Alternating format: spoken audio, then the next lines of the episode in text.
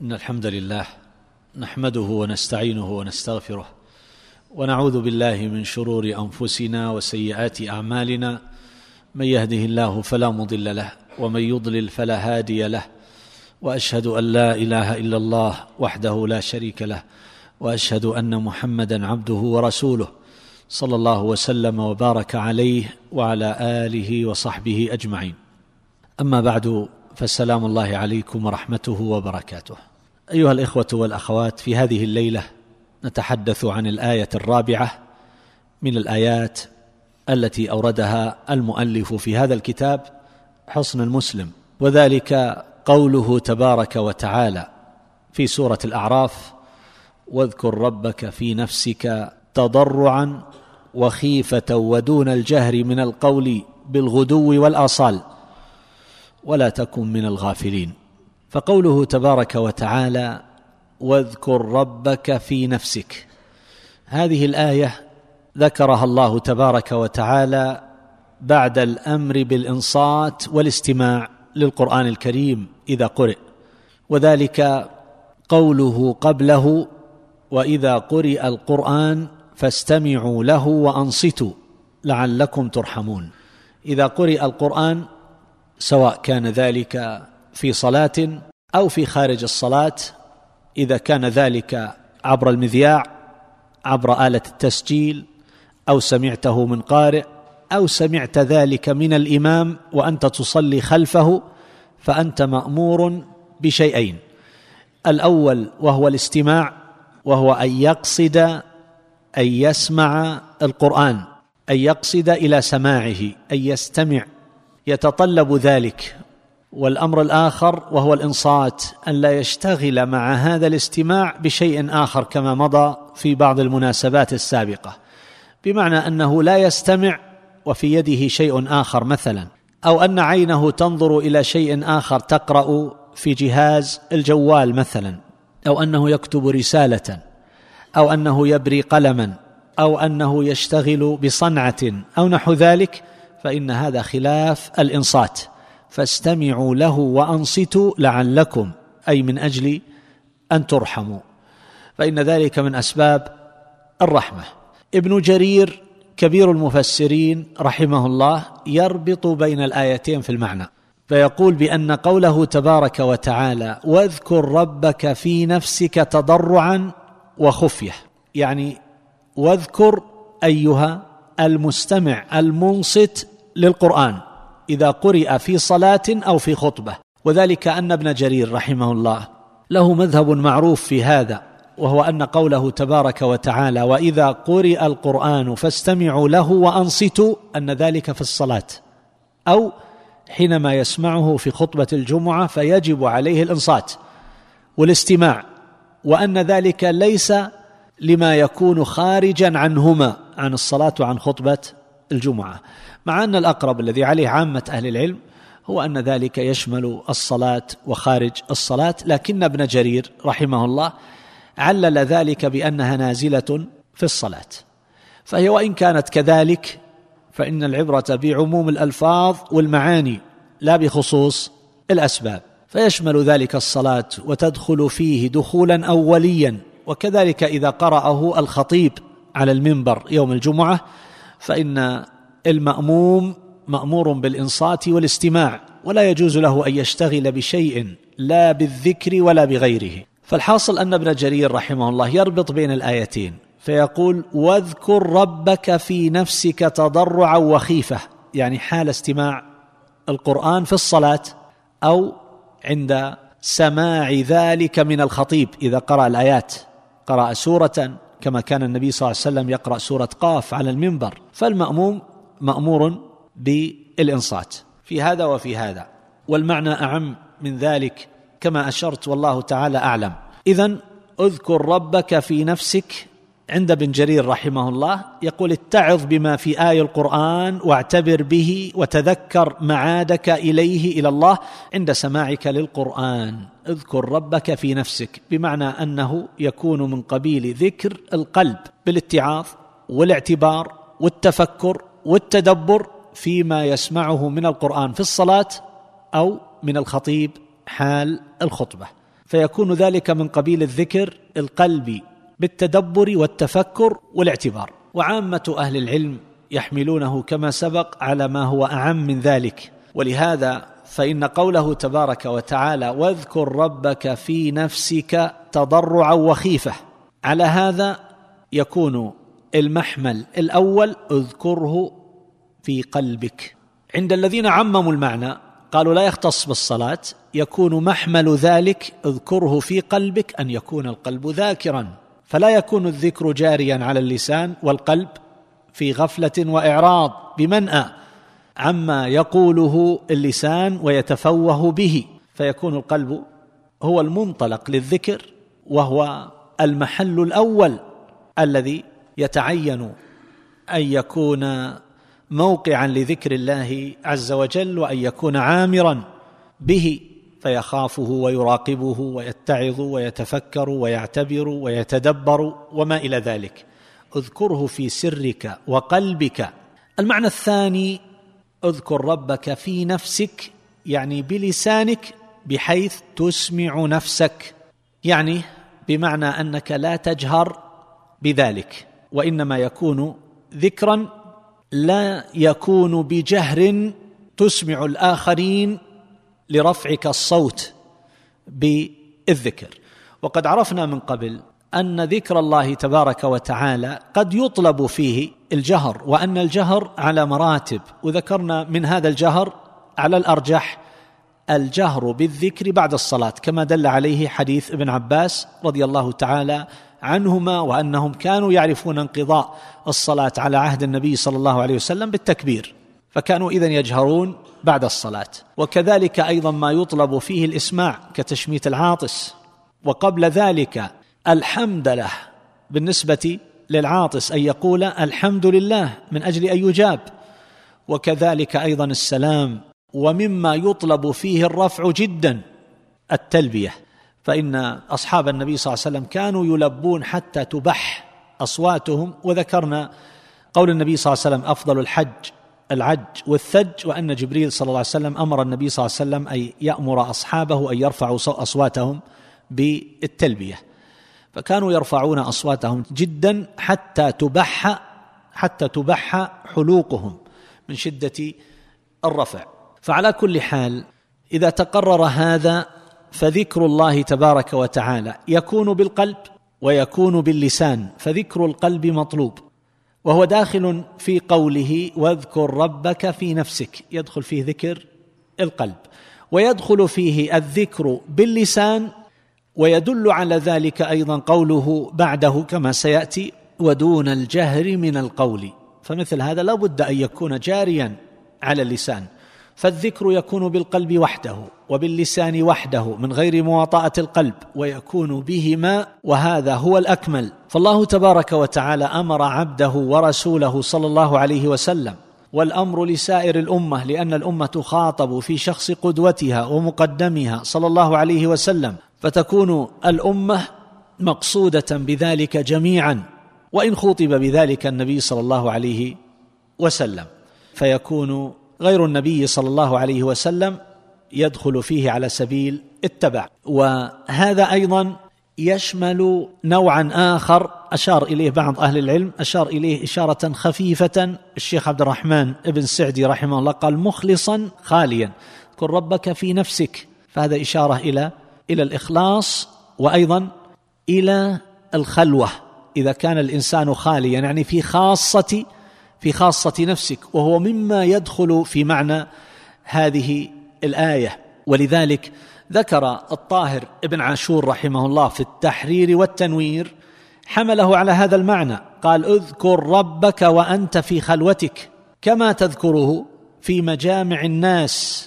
وحمل ذلك اذكر ربك في نفسك على هذا المعنى. قال وهو الذكر باللسان. هنا اذكر ربك في نفسك.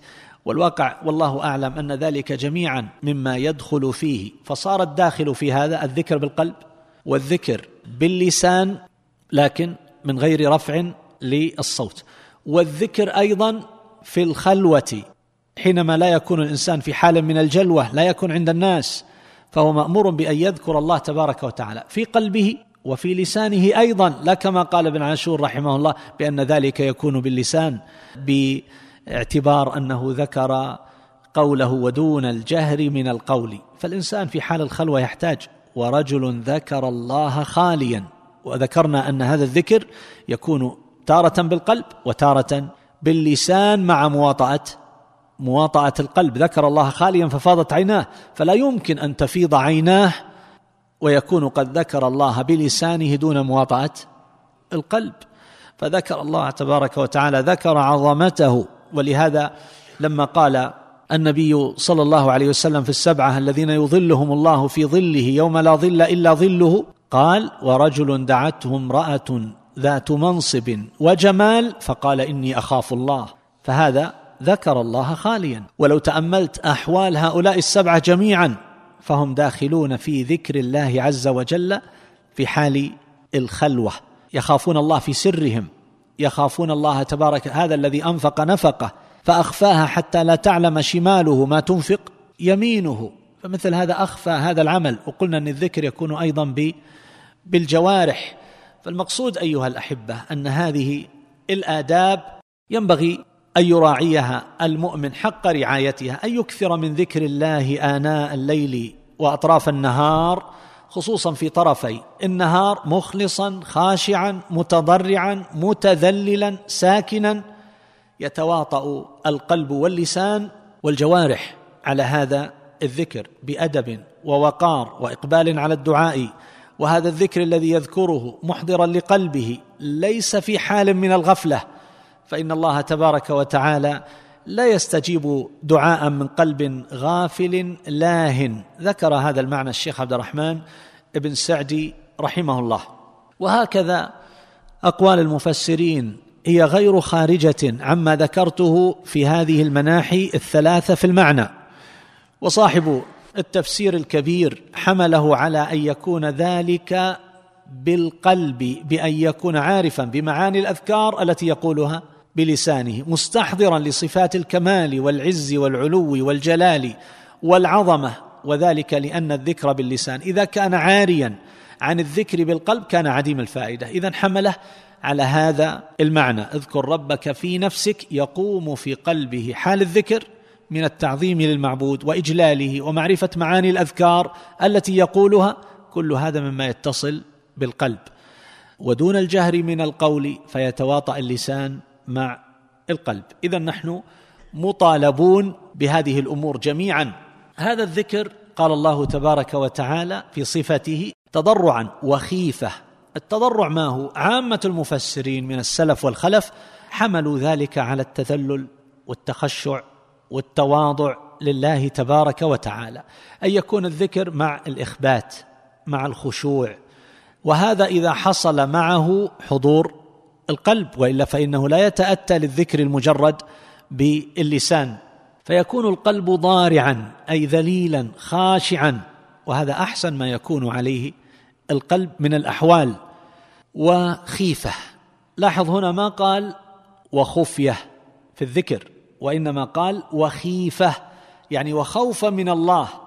ابن جرير رحمه الله يقول خوفا أن يعاقبك على تقصير يكون منك في الاتعاظ به والاعتبار وغفلة عما بين الله فيه من حدوده باعتبار أنه حمله على المعنى السابق وهو أن يكون منصتا له حال استماعه من الإمام إذا قرأ أو من الخطيب حينما يتلو القرآن على المنبر.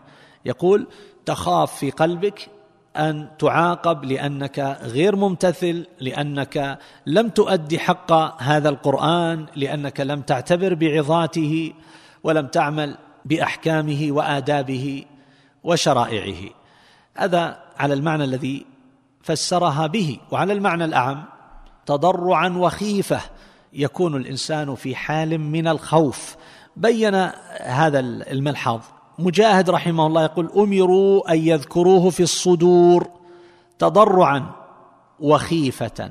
لكن ابن القيم رحمه الله ذكر ملحظا دقيقا في توجيه أو في وجه ذكر الخيفة هنا في الذكر. لماذا في الدعاء قال ادعوا ربكم تضرعا وخفية. في الدعاء خفية لأن الدعاء يناجي ربه. فالله يسمع مناجاة العبد ويسمع دعاءه فلا حاجة لأن يرفع صوته لأن الذي يدعو ليس بأصم ولا بأبكم ولا بغائب بل هو سميع قريب مجيب يسمع دعاء الداعين تبارك وتعالى. في الدعاء ادعوا ربكم تضرعا وخفية التضرع مطلوب تخشع والتذلل في الدعاء وفي الذكر لكن في الدعاء خفية. ولهذا ذكروا من الاعتداء في الدعاء ومن سوء الأدب فيه أن يرفع صوته رفعا زائدا. ولذلك المؤمن داعي فبعض الناس يؤمنون بصوت مرتفع جدا خلف الإمام في القنوت مثلا. مثل هذا لا يليق وإنما يخفض صوته بحيث يتأدب مع الله. كذلك الإمام أحيانا يدعو ربه نعم في القنوت هو نعم يدعو دعاء يسمعهم لكن لا يكون خارجا عن حدود الأدب اللائق مع الله.